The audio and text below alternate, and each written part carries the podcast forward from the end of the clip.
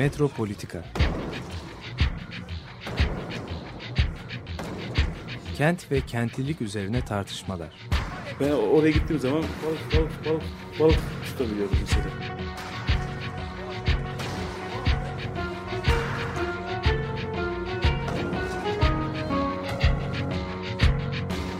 Hazırlayıp sunanlar Aysin Türkmen, Korhan Gümüş ve Murat Güvenç. Takusuyor yani. kolay kolay boşaltamadılar. Yani elektrikçiler terk etmedi Perşembe Pazarı merkezinde. Merhabalar sevgili Açık Radyo dinleyicileri. Metropolitika şu anda başlamış bulunuyor. Ee, Murat Güvenç ve ben Korhan Gümüş. Bugünkü Metropolitika programını birlikte yapıyoruz. Bu programa tasarımcı, küratör, eleştirmen, ee, sevgili dostumuz Gökhan Karakuş katılıyor. Onunla birlikte pandemi sonrası, pandemi koşullarında şehir ve kamusal alanı konuşacağız. Ben hemen taze bir bilgiyle başlamak istiyorum.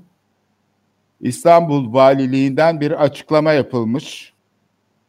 Ee, acil eylem planı hazırlanmış. Ulaşım Bilim Kurulu tarafından. Ulaşım Bilim Kurulu Başkanı Mustafa Ilıcalı, Profesör Doktor Mustafa Ilıcalı yapmış açıklamayı.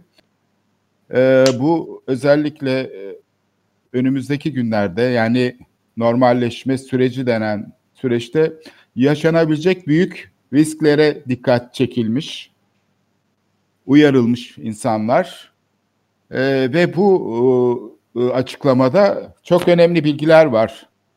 Yani metro istasyonlarında bir metrekareye dört kişi düşüyormuş bekleme alanlarında ortalama.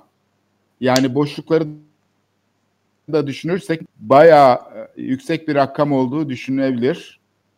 E, metrobüslerde ise metrobüs istasyonlarında bu sayı 9 kişiye çıkıyor. Yani iğne atsanız yere düşmez vaziyetleri. Dolayısıyla e, bilim kurulu, e, ulaşım bilim kurulu adını alan bir kurul daha var yani. Bundan önceki sağlık bilim kuruluydu.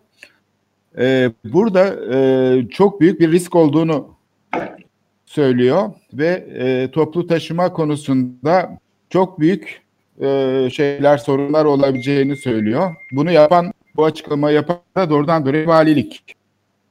Şimdi Normalde toplu taşımada 8 milyon kişi e, var. Pandemi koşullarında bu 900 bin kişiye düşmüş. Normalde toplu taşımada olması gereken e, taşıma kapasitesinin yüzde 25'i ya da biraz daha fazlasının kullanılması söz konusu olabilir diyor. Bu da ulaşım sürelerini e, 4-5 katına çıkarabilir. Ayrıca İstanbul'da bulunan 4 milyon 200 bin özel aracın kullanılması söz konusu diyor. Bunlar da diyor bildiğimiz trafik sıkışıklığını kat be kat arttıracaktır. O, bundan dolayı da diyor çok büyük bir ulaşım sorunu bekliyor İstanbul'u diyor normalleşme sürecinde. Şimdi e, ben e, burada şeyle başlamak istiyorum.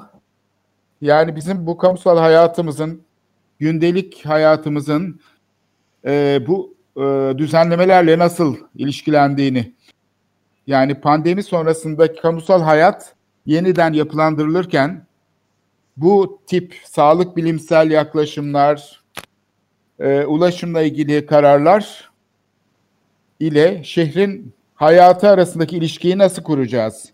Burada çok temel bir problem var.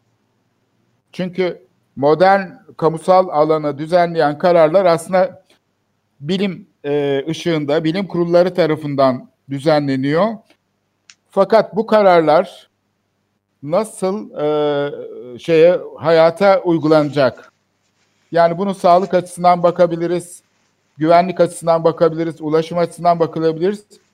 Bütün bu mekanizmalar, planlar, eylem planları, projeler bu bu tip bir rasyonel bir bakışı şekillendiriyor. Fakat buna karşılık da hayat çok daha karmaşık ve çok katmanlı bir yapısı var. Dolayısıyla iç içe giriyor birçok konu.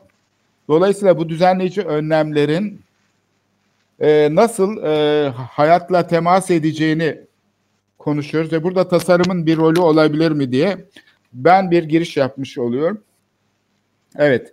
Gökhan Karakuş, e, beni duyuyorsun herhalde. Evet, duyuyorum. Evet, Doğru. bu pandemi koşullarında kamusal alanın düzenlenmesiyle ilgili mesele nedir? Sen nasıl görüyorsun? İstersen seninle Ee, başlayalım. Bu e, kamusal alandaki e, temel e, sorularımızın biri bireylerin e, birey var, bir vücut var, bir insan var. E, bir e, biyolojik bir durumu içindeyiz. Yani genel olarak o bedenin, o vücut e, yaşaması için e, bir e, bir tasarım yapmamız gerek. Yani şu andaki şeyimiz bu. Yani bir tabanımız bu. Bu iş ele aldığımız vakit. Ee, çünkü e, konu işte bu vücut ve o mesafe ayarlı. Şimdi e, bu mesafeler e, e, bu insanlar sokaklara çıkınca sokaklarda çık çıktığı halde bunu isim veriyoruz. Bunu yaya diye bir isim e, İngilizcesi pedestrian. E, e, işte pedestrian şeyden geliyor. İşte ayakla devam eden işte e. E, bu yayalaştırma, yaya fonksiyonu e, şu organize işte bir şehir e, bunun yansımasındaki bu ya, e, diğer yayalar arasındaki mesafe e, gerek. Bu bir e, aslında temelde baktığımız vakit bir, bir e, sorunda görebiliyoruz. Çünkü yaya neden dışarıda? Yani çoğu zaman yüzde yetmiş bir yere doğru gidiyor. Bir fonksiyonu gerçekleştirmek için. Yani işime gidecek, bir şey mi satın mı alacak? Ee, bunlar yani şehir birileriyle bir yerde mi buluşacak? Bunlar şehrin zaten temel sebepleri. Yani bu, bu yoğunluklar bu şehirlerde bu yüzünden oluyor. Ama sorunumuz şu bu yayaların yerleri yolları kullanım kullanımları araçlar kadar disiplin e, edilmedi ve edemiyoruz. Yani yayın e, gidecek güzergahları, rotaları, aralarındaki e, mesafe e, e,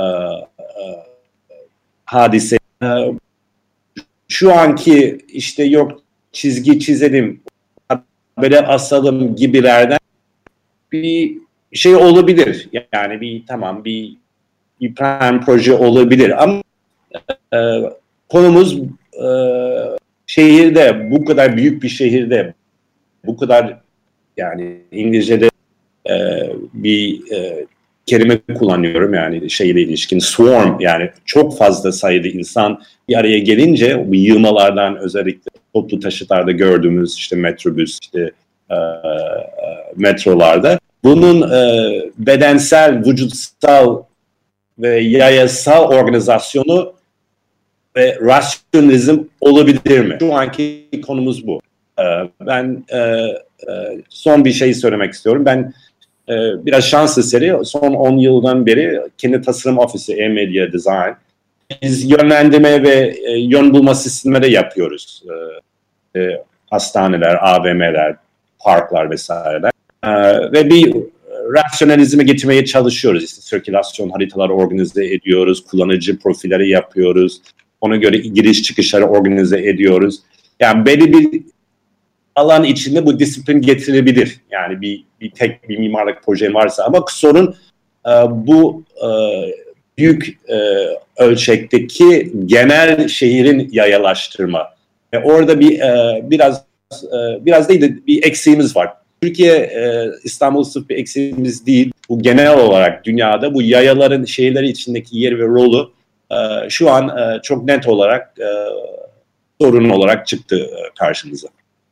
Ayrıca bu son zamanlarda yani bir yaya şehri olan İstanbul'un e, tam yaya dışı bir şehre dönüşmekte olduğunu gördük. Yani son 30-40 senede aslında e, alışveriş yapmak için artık araç kullanmak gerekiyor. Üniversitelerin kampüsleşmesi öğrencilerle okul arasındaki ilişkileri araca bağımlı hale getiriyor. E, eskiden ilkokullara yürüyerek gidiliyordu. Mahalle okulları vardı. Şimdi artık servislerle gidiliyor. Yani bu pandemi e, koşullarında bu tekrar tasarım olarak şehrin bütünü hakkında bir şey veriyor, fikir veriyor.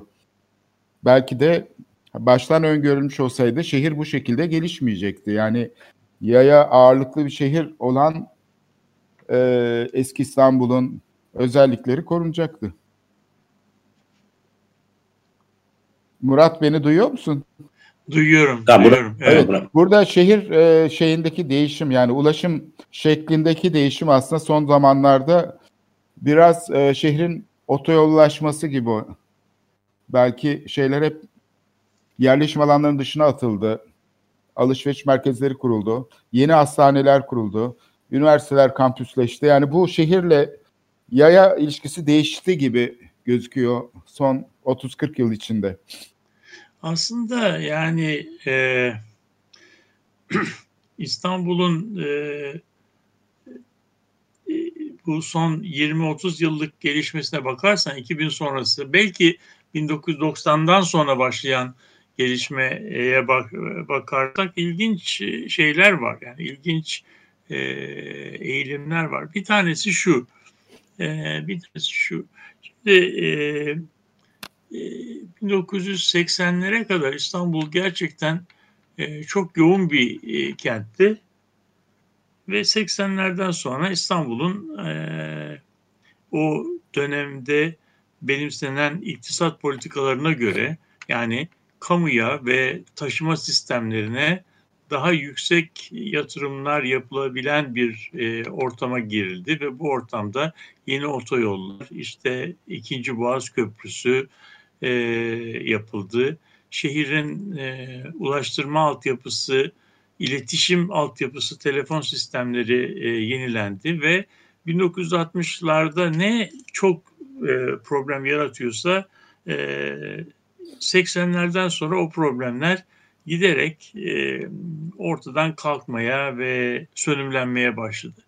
Bu, bu ortamda İstanbul'un desantralize olması, yeniden yapılanması için çok büyük fırsatlar vardı. Ama ne yazık ki o dönemde e, benimsenen ve e, çok e, nasıl diyelim böyle paldır küldür yapılan imar affı e, e, sonucu İstanbul'un bütün düzensiz konut alanları hızla apartmanlaştı ve İstanbul çok yoğun bir kent haline geldi.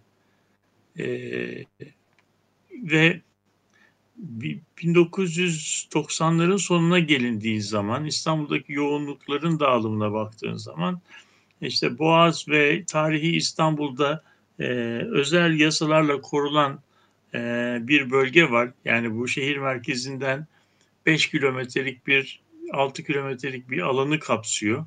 Boğaz'da biraz daha ilerilere kadar gidiyor. Oralarda yoğunluklar çok fazla artmıyor ve o bölgede işte iş yeri olarak kullanılıyor. Onun haricinde de e, şeylerin e, kentteki yoğunlukların toplu konut inşaatlarıyla filan e, hızla arttığını e, görebiliyoruz. 2000'li yıllardan sonraki gelişmelerde hep e, gelişme e, 2010'lara 15'e kadar e, kentin çeperinde oldu ve kentin merkezindeki bölge demin söylediğin gibi biraz eski yoğunluklarını e, koruyabildi. Ama e, özellikle bu kentsel dönüşüm e, projelerinin başlamasından sonra bu sefer bu kent merkezini koruyan e, kalkanlar, e, idari kalkanlar hızla aşındı ve kent merkezinde çok yoğun e, inşaat faaliyetleri olmaya başladı. Burada işte AVM'lerin, e, bu mix use'ların inşa edildiğini görüyoruz. Aynı dönemde İstanbul'da çok yoğun bir şey e, metro inşaatları ve toplu taşıma inşaatları yapılmaya başlandı. Bunlara bağlı olarak ve bunlarla da yarışır biçimde e, özel araç sahiplerine kentin trafik sıkışıklığını iktisadi güçlerine göre farklı farklı biçimlerde çözme olanağı sunan yeni köprüler, tüneller, geçiş imkanları sağlandı. E, pandemiden pandemiden önce İstanbul e, işte 150-200 kilometreye varan bir e, raylı toplu taşım sistemi iyi kötü çalışan ve şehir trafiğinin yüzde üçünü falan taşıyabilen bir deniz sistemi, e, büyük bir e, otobüs sistemi, minibüs sistemiyle son derece e, şey uzmanlaşmış ve fena da çalışmayan bir toplu taşım e, altyapısına sahipti. Bu bağlamda eskiden olan köprü trafiklerinin büyük bir kısmının da biraz hafiflediğini biliyoruz. Yani şeyin bu tünellerin ve yeni köprülerin etkisiyle. Fakat tabii şimdi konumuz bu değil. Konumuz e, şeyden sonra bu pandemi sonrasında senin de bir söylediğin e, noktalara geldiğinde neler neler olacak? Eğer söylenildiği gibi bu Ulaşım Bilim Kurulu e, seyahat sürelerinin dört katına kadar uzayabileceğini söylüyorsa o zaman bu İstanbulluların e, top, gündelik yaşamlarında e, muazzam bir dönüşüme e, işaret ediyor.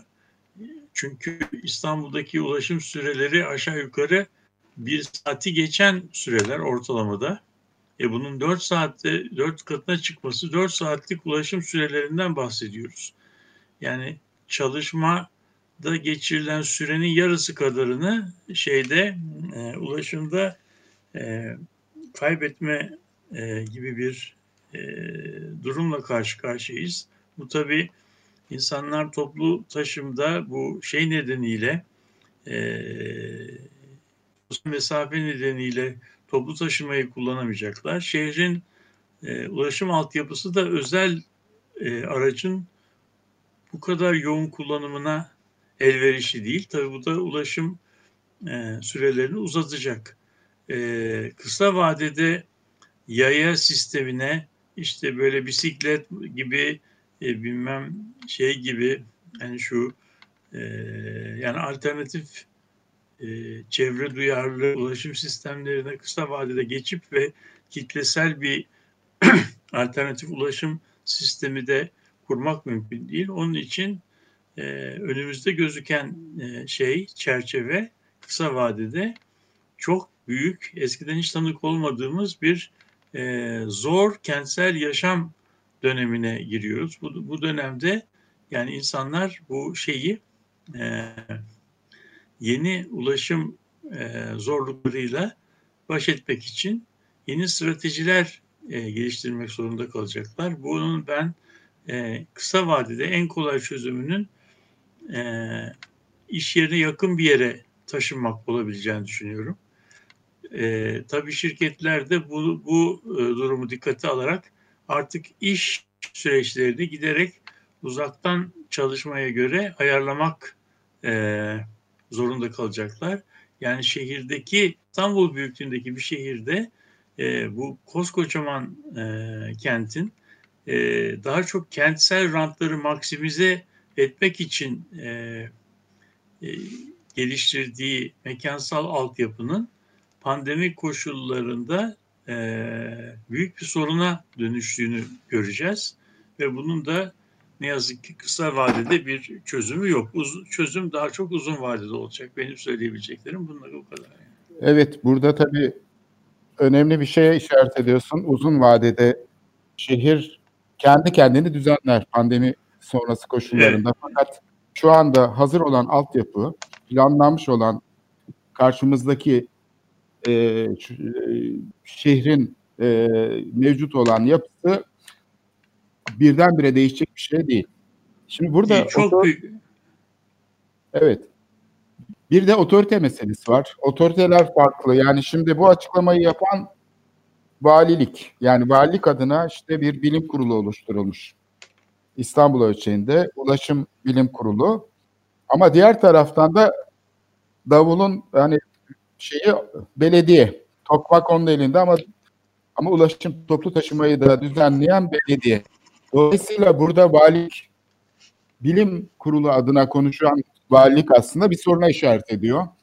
Fakat nasıl düzen Ama bir çözüm göstermiyor çözüm yani. göstermiyor. Üstelik de daha karmaşık bir durum var.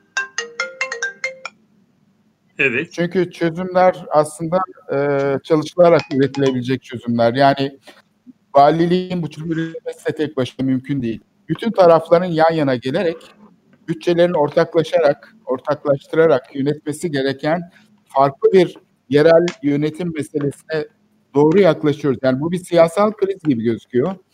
Fakat bir taraftan da bir fırsat da yaratabilir. Çünkü niye? Ee, şimdi Gökhan'a ben şeyi sormak istiyorum. Şimdi e, yani bir tepeden bakışla şehri planlayan bir e, şey yönetim rasyoneli oluşturan bir kamu düzeni var modernleşmeyle birlikte. Bir de bunun yerdeki durumu var. Yani insanların birbirleriyle kurdukları ilişkiler. Genellikle bunlar arasında büyük bir mesafe oluyor. Hatta rakipleşiyor. Ve ayrıca e, yerel e, yapılar bu tepeden bakışa karşı kendi yöntemlerini geliştiriyorlar. Bu da aslında temsil ediliyormuş gibi gözüküyor siyasi planda ve bu kuralların uygulanmasını etkiliyor. Yani bildiğimiz bilimle siyaset arasındaki rekabet gibi. Siyaset aslında bu yerdeki şeyleri temsil etmiyor ama temsil ediyormuş gibi göz, gözüküyor. Ve buna karşılık bilimci tavırda yukarıdan bakış aslında her zaman e, bizim için hoşumuza giden şeyler söyleniyormuş gibi olsa da hayatla temas etmediği için kopuk kalıyor. Şimdi bu yeni bir metodoloji gerektiren bir süreç diye ben düşünüyorum. Yani tasarım açısından da burada çok önemli bir değişim var, bir başka kırılma noktası var. Çünkü e, bu temas sağlanamadığı takdirde bir kaos çıkıyor karşımıza. İstanbul'da gördüğümüz gibi. Dolayısıyla işte bilim değil e, sermaye yönetiyor e, bu süreci, bu normalleşme sürecini deniyor. Bu da doğru bir tespit. Ama bilimin de burada gözden geçirilmesi gerekmiyor mu? Yani sorun aslında bu teması sağlayacak, ikisi arasındaki köprüleri kuracak. İşte İstanbul ölçeğinde gördüğümüz gibi belediye ile valiliğin ilişkileri vesaire. Bunu tasarım ölçeğinde nasıl ele alınabilir bu mesele? Senin görüşün Aa, nedir? Yani bu e, şehir planlama stratejilerin, e, tasarımsal projelendirme stratejilerde e, yayaların, e, insanların yürüme yolları, işte genel giriş çıkış e, özellikle büyük e, ulaşım, e, toplu ulaşım sistemleriyle e, genel bir şeyler yapılıyor. Ben biraz oradan başlamak istiyorum. İşte bir e, istasyon giriş çıkışları, e, bir AVM'nin giriş çıkışları bunlar yapılıyor. Ama onun dışında ve içinde bu giriş çıkış ve e, genel insanların seçtiği rotalar ve aralarındaki mesafe durumları çok, çok bir bambaşka bir şey. Yani bunu rasyonalize etme, şehir içindeki bunu konumlandırma e, ve e, biraz o kültüre bağlı, o oradaki yerel şartlar e, bunu net olarak görüyoruz. E, benim yıllardır takip ettim bu konuda. Sosyolog var Michel Desserteau. E, Desserteau'nun e, bu tür yaya e, içindeki e, seçtiği rotalara bir e, dil olarak e, yani bir konuşma olarak görüyor yani e, onun e, alt fonksiyonları da öyle görüyor yani bir yaratıcı ve iletişimsel bir araç olarak görüyor. Böyle bir, bir organik iletişimsel ve e, e, aracı e, bir yaratıcılık var onun içinde. Çünkü şehir içinde e, tabii ki böyle patikalar var, kaldırımlar var ama o oradan dümdüz gitmen gerekmiyor. Görüyoruz ki e, şeyden başlıyor. Şehirlerin başlangıcında belli sokaklar vesaireler genel olarak dolaşım e, ve dolaşım yolları bambaşka bir e, bir dünya. E, şu anki bu e, bu politika sistemleri, politikadan siyasal anlamda bunları e, rasyonize etmenin yolları var mı yok mu? E, biraz olabilir ama bunu bu toplu yaklaşımlarıyla senin dediğin gibi fırsat organize edip e, bu istenen mesafeleri ve e, yayaların gittiği yerlere organize etme e, yolu vardır ama o bireylerin bu e, önerilen veya ortaya konulan sistemde bir şekilde anlayıp benimseyip ve e, uygulamak e, da bir sorun yaşayacağız. E, oralarda biraz yönetimin burada bir rolü olabilir mi? Yani ulaşımda geçen zaman azaltmak için kent merkezlerine yakın yerlerde kullanılmayan yapı stoğu var mesela. E, bunların işlevlendirilmesi, satılamayan konutlar, bunların kiralanmasına yönelik teşvikler, e, bunların şeyle ilgili altyapıları hazırlamak. Yani burada bir stratejik bakışa da ihtiyaç var. Yayaların e, şehri kullanımı için yani yayaların bu konudaki e, talebini şey yapacak, kolaylaştıracak bir takım kamusal düzenlemelere ihtiyaç yok mu aslında? Var. Var ve bu e, şu an bence kısa e, e, parametreleri var. E, konuştuğumuz konu e, toplu taşıt ve e, e, sokak dokusu arasındaki ilişki e, bir şekilde kısa vadeli hemen yapıp e, e, bir takım planlar yapabiliriz. Orta ve uzun e, bunu e, bunun ayarı e, ve planlaması oradan çıktıktan sonra tabii ki sirkülasyon e, oluyor ve bunu belli bir kapasite planlama işte azaltıp e, önden biletleme veya kontrollü bir şekilde yönetimsel bir şekilde ele alınabilir. E, bunu planlamak, şehir planlama açısından orta ve uzun vadeli daha senin bir önceki konu Murat'ın güzel e, özetlediği bu e, süreçlerin içinde temel şeylerdi. E, bu apartmanlar, araba ve e, bu e, daha çok e, araçsal düzenin içinde bireylerin eline alınması lazım. Ben yönlendirme işlerimizin, projelerimizden biri e, e, bu Zincirlikuyu'daki e, metro ve bir AVM arasındaki tünellerde yaptık ilk böyle 10 yıl evvel. E, ve e, bir sürü yollar çizilmiş e, mühendisler tarafından ama o yolların e, e, kullanmak açısından e, e, bazen kullanılıyor, bazen kullanılmıyor. İnsanlar direkt örneğin direkt e, otoban üzerine de yaya olarak geçiyor. E, ve sorun orada başlıyor. Yani bu e, sistematiği yaya ve yer toplu taşıt ve trafik arasındaki ilişkiye e, masa yatırmamız lazım. Şu anki e,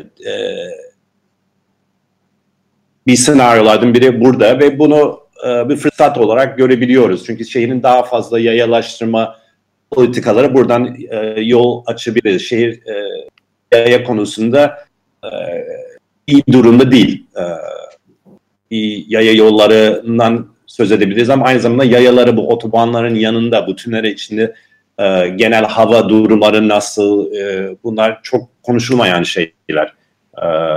Şehirdeki hava partikülleri durumlara baktığımız vakit çok kötü noktaları oluyor. Şey, biz geçen sene e, bir e, araştırma yaptık. E, Haliç Köprüsü'nün altında bir takım ölçümler yaptık bir mimarlık stüdyo olarak ve çok e, yüksek değerler çıktı. Bir yayın orada geçmemesi lazım aslında. Ama orada yaya yolları var. Sağlık konusunda bir takım parametre yaya olarak yürütmemiz olarak görüyoruz. Haliç Köprüsü'nün altında binalar var, üniversite var şu anda. Bir zamanlar adliye vardı. İşte ona diyorum. çok, evet. e, ölçüm yani orada hakikaten hiç kimse orada sürekli bulmaması gerek. Ortaköy Vadisi'nde de E5'in şey viyadüğü var. Yani Boğaz Köprüsü'nün, birinci köprünün. Dolayısıyla şehrin içindeki bütün bu otoyollar aslında söylemiş olduğun riskleri yaratıyor. Onlar Peki zehir kanalları.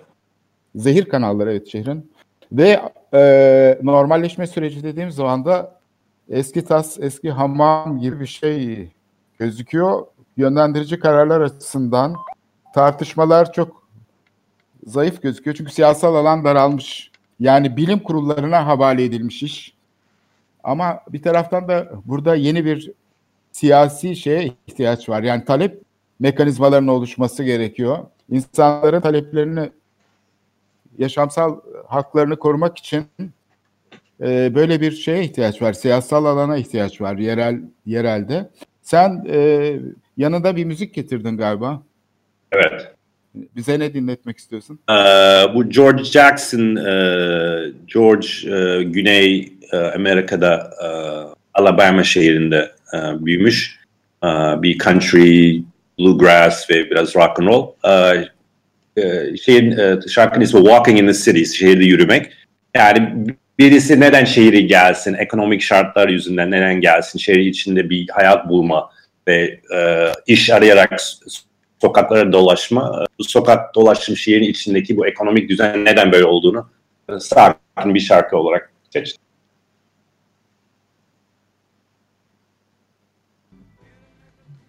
Evet.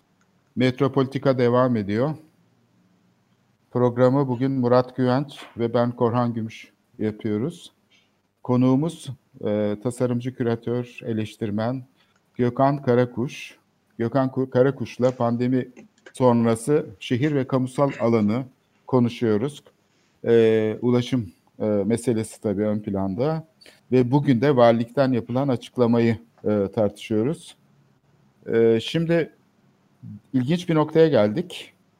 Ee, burada aslında e, şehri düzenleyici olan bütün bu kararlar, bilim kurulu kararları senin demin örnek verdiğin gibi Dösserto'nun yukarıdan bakışını, kuş bakışı bakışıyla şehri görmek ile şehrin bir de yerden bakışı arasındaki farkı ortadan ortaya koyuyor. Yani yukarıdan bakışlar, uzmanlık, üst dilleri, üst anlatılar her zaman bir takım kuralları koyuyor, bir takım şeyleri gösteriyor. Ama diğer taraftan da bir takım şeyler orada gözükmüyor. Yani yerdeki meseleler ise daha farklı. Dolayısıyla onlar genellikle e, temas olmayan tasarım pratiklerinde, planlama pratiklerinde iki ayrı rakip e, şey tarafından, politik e, özne tarafından temsil ediliyormuş gibi oluyor. Bir tarafta işte bilim, bir tarafta popülizm, siyaset falan ve ortaya bir kaos çıkıyor şehrin yönetiminde. Acaba bu kriz bu tasarım metodunu şehrin 19. yüzyıldan bugüne gelen bu modernleştirici, akıllaştırma pratiklerini dönüştürebilir mi? Bir taraftan da böyle bir fırsat var. Yani bu müdahaleler, kısa ve uzun vadedeki müdahaleler bu düzenlemeler için şey sağlayabilir mi diye düşünüyoruz. Bunun için de pratik konular var şu anda.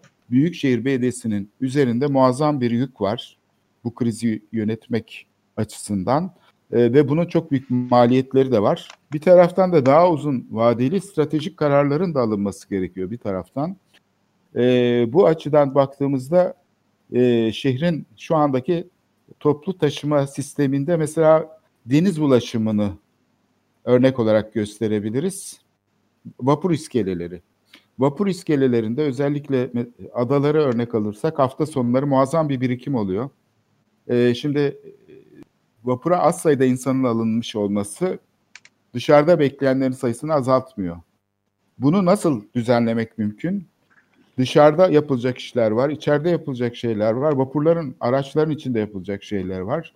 Keza metro sisteminde de aynı düzenlemeler, metrobüste daha da büyük bir sorun var.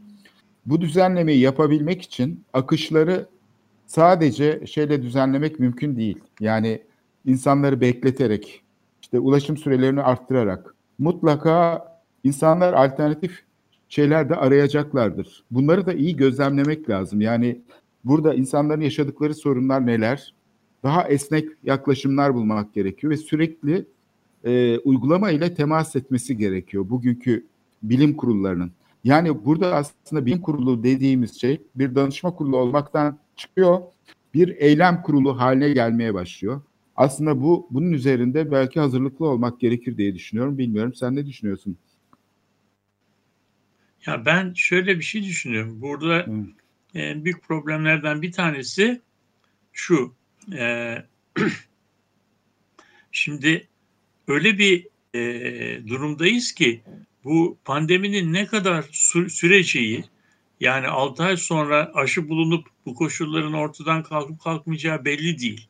Belki bu aşı dediğimiz şey veya ilaç dediğimiz şey 6 ay sonra bulunacak. Yılbaşında bu bulunacak ve ondan sonra da e, hayat tekrardan nasıl diyelim alışa geldiğimiz normalin bir varyantına doğru e, dönüşecek. İktisat aynı şekilde yaşamayacak ama e, bir şeyler değişecek. E, şimdi fakat bu belirsizlik içerisinde senin söylediğin çözümlerin de çok masraflı olmaması lazım. Çünkü büyük bir belirsizlik var. İkincisi e, bu büyük problemi e, azaltacak, hafifletecek bir şey var. O da e, büyük bir işsizlik dalgasıyla karşı karşıyayız. Yani şehir belki de e, işte bilmem 1930'lu yıllardan itibaren karşılaştığı şeyin e, nasıl diyelim işsizlik probleminin en büyüklerinden biriyle karşılaşacak. Bu tabii ev iş yolculuklarını büyük ölçüde e, azaltacak. Yani bir taraftan e, bir belirsizlik var, bir taraftan işlerin eskiden olduğu kadar yoğun olmayabileceği ve etkileşimin eskiden olduğu kadar yoğun olmayabileceği e, gerçeği var. E, ve de e, yani bu belirsizlik içerisinde getirecek olan çözümlerin hem yapılabilir olması lazım hem anlamlı olması lazım hem de çok masraflı olmaması lazım. Çünkü e, burada büyük yatırımlara girilirse e, bunun e, tamamının birkaç ay sonra atıl yatırımlara dönüşme riski var. O yüzden e, nasıl bir e, çözüm yapılacak o e, onu kestirmek e, şey değil, mümkün değil. E, demin senin bilim kurulları ile söylediğin şeyde bilim kurulunun bu valiliğin yaptığı ulaşım bilim kurulunun e, şeyleri, kararları daha çok e, bir takım kestirimlerden ibaretti. Karar değil bir çözüm önermiyor. Yani işte şey e, bizim İstanbul'daki trafik yüklerinin çok yoğun olduğu ve bunun riskli olduğu, e, bunun devam edemeyeceği ve ulaşım sürelerinin uzayacağını söylüyor. Ama buna karşı ne yapılması gerekir, nasıl bir alternatif gerekir o konuda bir şey söylemiyordu. Bu da tabii e, şeyin yani onu bir başkasının e, şeyine atıyor. E, Biraz muhalefet gibi aslında. Evet evet yani bunu bunun e, haber veriyor, kestirim yapıyor ama ne yapmamız gerektiği konusunda bir şey e, bir şey söylemiyor. Yani burada e, bu böyle bu da böyle biraz e, nasıl diyelim uzaktan bakan yani bir şey. Bak böyle e, fırtına gelecek e, şeyini alın, tedbirinizi alın e, diyor.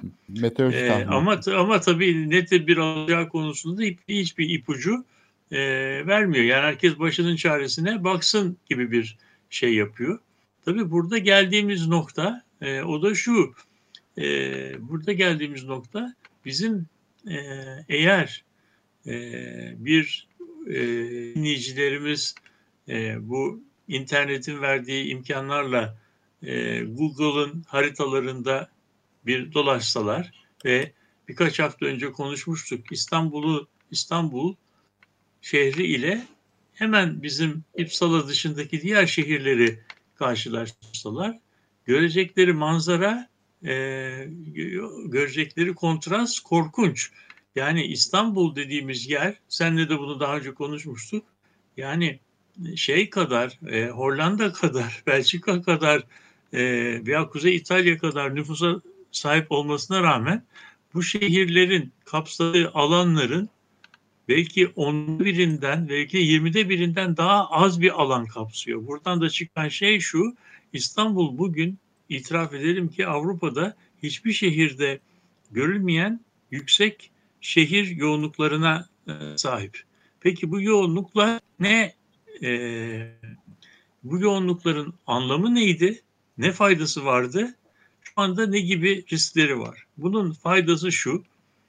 Eğer bir şehir çok yoğun ise bu şehirdeki arazi ve e, inanılmaz derecede pahalıdır. Yani bu pahalılıkla yoğunluk arasında doğrudan bir ilişki var. E, arazi pahalı olduğu için yoğunluk artıyor. Yoğunluk arttıkça da arazi fiyatları artıyor. Böyle bir böyle bir ilişki var. Ve bunun sonunda kimin kazandığını ve kimin kaybettiğini burada ayrıca e, tartışmaya gerek yok. Hele Türkiye'de e, gayrimenkulden bir gelir artış vergisi diye bir vergi alınmadığı da düşünülürse İstanbul gerçekten bir e, gayrimenkul taşımacılar açısından bir Eldorado, bir altın, bir fırsatlar ülkesi idi. Ne var ki bu, bu şey gelince bir karşımıza e, bu salgın koşullarına gelince ne görüyoruz?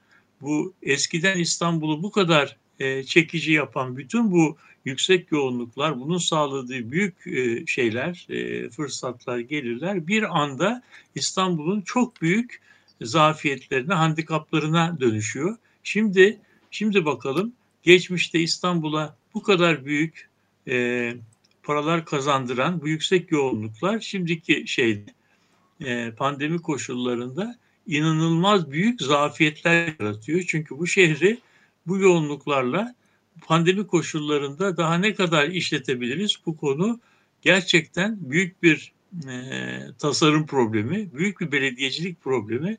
Bunun üzerinde düşünmeye başlamamız gerekir ve bu tabii bizim metropolitikanın e, da üzerinde durması gereken ve yeni yeni e, yeni yeni problemlere yol açabilecek, yeni yeni sorunlara yol açabilecek muazzam bir sorunla karşı karşıya olduğumuz e, söz e, söylenebilir. Yani bu şehri iyi kötü biz pandemi olmadan bu yüksek yoğunluklarla işletebiliyorduk. Teknolojimiz buna müsaitti. Ama e, pandemi koşullarında eski çözümler büyük sorunlara dönüşüyor. Sen de bunları biraz e, deniz ulaştırmasından şey yaptın. Vapurlara az adam almakla problemi çözemiyorsun çünkü iskeledeki yoğunluğu ne yapacaksın? İskeledeki yoğunluğu engellemenin bir yolu var mıdır? Onu onu düşünmemiz lazım. Yani şehrimiz çok büyük yeni problemlerle karşı karşıya bulunuyor. Aynı depremde olduğu gibi ben e, bu krizin e, tabii çok önemli bir kriz ve Türkiye'nin belki önemli siyasal krizini konuşuyoruz şu anda. Fakat bunu konuştuğumuz araçlar henüz e, ortada yok. Yani şu anda belediyenin sorunu, valiliğin sorunu arasında bir otorite şeyi var, e, farklılaşması var. Ama acaba belediye burada umut verici bir takım pilot uygulamalar yapabilir mi? Çok yapabilir, e, ya, yani bunu tabii. bunu göstererek belki adımlar atarak bu siyasal alanı genişletmek mümkün. Çünkü evet. eğer bu teması sağlayamazsa belediye yani halkla bu ilişki kuramazsa e, durum çok daha vahim e, bir şeye doğru gidebilir. Gökhan'ın galiba bu konuda bir takım şeyleri var, çalışmaları var. Ben Gökhan'a bir örnek olarak e, şey sormak istiyorum. İskelelerde mesela ne yapılabilir sence? Okul iskelelerinde ya da taşıma araçlarına iniş biniş alanlarında e, böyle bir şey senin düşündüğünü e, hatırlıyorum. Böyle şeyler üzerinde konuşuyorduk. E, sen bize bir e, şey verebilir misin bu konuda işaret? Neler yapılabilir? Ya da senin bu konudaki çalışmaların nelerdir? Yani daha önce dediğim gibi bu yaya sirkülasyon e, yayaların belli bir e, istasyon veya bir giriş çıkış senaryolarda şu anda çok kabaca var yani girişler belli bir istasyon veya bir, bir binanın. E, onun öncesi sonrası belirsiz. Belki bina içinde işte asansöre git, merdivene git, e, lobiden geç gibi e, takım şeyleri var ama orada da iç düzenlemek düzenlemesi trafik şeyler gibi değil. E, biz yaya sirkülasyonları çözerken e, tabii ki bir, bir analizler yapıyoruz yayaların nasıl nasıl girdiği orada bir e, e, bir zamanlama da söz konusu oluyor. Yani işte yüksek yoğunluk sirkülasyon, işte orta derece, az derece. Bunları biraz ayarlayıp e, tabii ki zaman parametresi burada zaman e, bir parametre bir de alan bir parametre. E, netice olarak e, bu özellikle vapur e, giriş çıkışları e, o yoğunluğu dağıtmak için o yoğunluğu şehir dokusu içine e, dağıtmamız lazım. Yani çünkü şehirler, e, sokaklar müsait. E, orada bizim fikrimiz bir e, alansal tanımlama sistematiği, bir, e, bir totem gibi, bir büyük çubuk gibi bir, bir gösterge, bir görsel ipuç. O e, giriş ve çıkış iki yönlü olarak özellikle vapur e, e, iskeleleri şehrin alansal olarak e, imkanları yani sokağın uzunluğunu e, kullanarak oraya dağıtmak. Yani tabii ki daha önce dediğim gibi bu yayaların bunu uyması için yani onlar da bir şekilde bunu benimsemesi lazım. Yaya e, sirkülasyonu gibi insanlara tabii ki yapıyorlar biraz ama insanlara böyle ceza vermek olmuyor yani işte yanlış tarafı yürüdün ama mümkün mertebe yönleri belirlemek lazım, giriş çıkışları belirlemek lazım ve mesafe takım görsel ipuçlarla insanların görebilecek ve bunu şehir dokusu içine dağıtarak ve Murat'ın daha önce söylediği gibi bu bir, bir kalıcı sistem değil, bir geçici sistemle bunu organize etmek mümkün. Ee, yaya sirkülasyonu şu ana kadar e, e, bizim ilgi alanımız e, son ofis olarak e, son 10 yıldır. Ama yaya sirkülasyonun şu anki gerek yüksek kapas, yüksek yüksek sirkülasyon density yani sirkülasyonları bunlara biraz daha büyük gruplarla beraber tartışmamız lazım. Yaya sirkülasyonu şu an en önemli konu olarak gündeme getirmemiz lazım ve orada için otur Evet, seste bir problem oldu galiba. E, programda sonuna gelmiş bulunuyoruz. Ben e, bu düzenlemelerin e, daha çok hani e, yukarıdan bir bakışla değil aslında insanların e, içselleştirmesiyle de anlam kazanacağını e, düşünüyorum. Yani bizim aslında bu kararlar alınırken şehir planlama kararları genellikle doğrular işte var, şeyler var, bir takım e, prensipler var. Bunların bilimsel olarak üst anlatılarla şekillendirilmiş bir karşılığı var. Fakat bunun giderek gündelik hayatın kendisi içinde de bir anlam kazanabileceğini düşünüyorum. Murat bilmiyorum sen ne dersin? Yani bu evet, aslında planlama evet. metodolojisinde bir değişiklik yaratmak için bir fırsat. Eğer fiziksel olarak bu fırsatı yaratamasa bile yönetimler en azından siyasal fikir olarak yerel yönetim bunu sahiplenebilir bu fikri. Bu yerel yönetim fikrini ve bunu söyleyerek insanlara aslında bir takım umutlar verebilir ve bir adım adım yani her şey birdenbire düzelmese bile çeşitli iyileştirmeler yapabilir gibi geliyor. Ben bu konuda çok umutsuz değilim. Şimdi tabii e, mesela demin ki e, valiliğin, Ulaştırma Kurulu'nun kararlarına kararları hakkında senin yaptığın özete başta geri dönersek e, yani bütün o özetin oradaki kesrimlerin altındaki temel e, varsayım yani bizim tekrardan e, şehrin e, pandemi öncesi hareketliliğine geri döneceği varsayımıyla. Halbuki göreceğiz ki yani bu önümüzdeki e, günlerde işte kısıtlamalar kalktığı zaman şehir böyle e, bir anda e, 11 Mart öncesine dönmeyecek. Yani çünkü e, bir takım kapanan iş yerlerinin büyük bir kısmı açılmayacak. Açılanlar aynı personelle çalışmayacak birçok insan e, işini kaybetmiş olacak. işini kaybetmiş olanların trafikte e, bulunması için bir gerek ol gerek olmayacak. Onun için bence yapılması gereken şey senin söylediklerine paralel olarak yani yeni buluş çözümler araman, esnek buluşçu çözümler aramanın yanı sıra yeni teknolojileri kullanarak şehirde e, şehri yeni kullanma biçimleri nedir?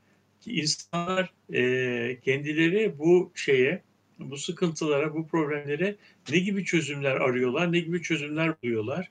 E, bu çözümler, onun insanların buldukları e, yerelde bulunan çözümler acaba bize bir takım fırsatlar yaratabilir mi? Onun için e, bu arazideki durumu, gel insanların yaptıkları, buldukları çözümlerin çok ciddiye alınarak şey yapılması gerekir, çalışılması gerekir Bugün mesela bu cep telefonlarında küçük bir uygulama yükleyerek veya cep telefonlarından gelen mesajları izleyerek e, kentin neresinin hangi saatte ne yoğunlukta kullanıldığını izlemek mümkün. E, bu yeni teknolojiyle e, konvansiyonel şeyin, şehir planlamanın katı, böyle statik çözümlerinin ötesine geçen çok buluşçu yeni çözümler devrimini e, bulmak mümkün. O yüzden yani hem metropolün politikası değişiyor hem de metropolün yönetilme biçiminde çok büyük değişikliklerin e, eşiğinde olduğumuzu söyleyebilirim.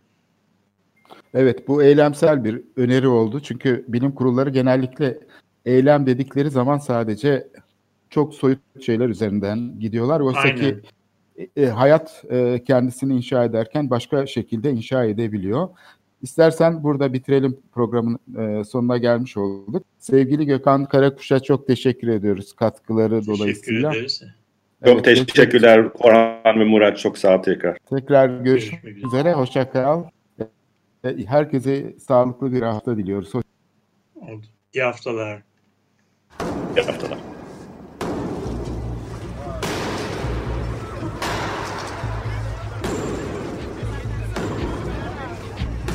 Metropolitika Kent ve kentlilik üzerine tartışmalar. Ben oraya gittiğim zaman balık balık balık balık tutabiliyorum mesela.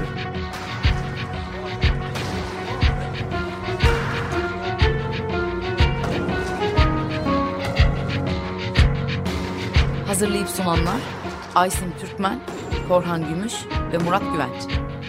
Takusuyor yani. Kolay kolay boşaltamadılar. Yani elektrikçiler terk etmedi Perşembe Pazarı merkezini. Açık Radyo program destekçisi olun. Bir veya daha fazla programa destek olmak için 212 alan koduyla 343 41 41.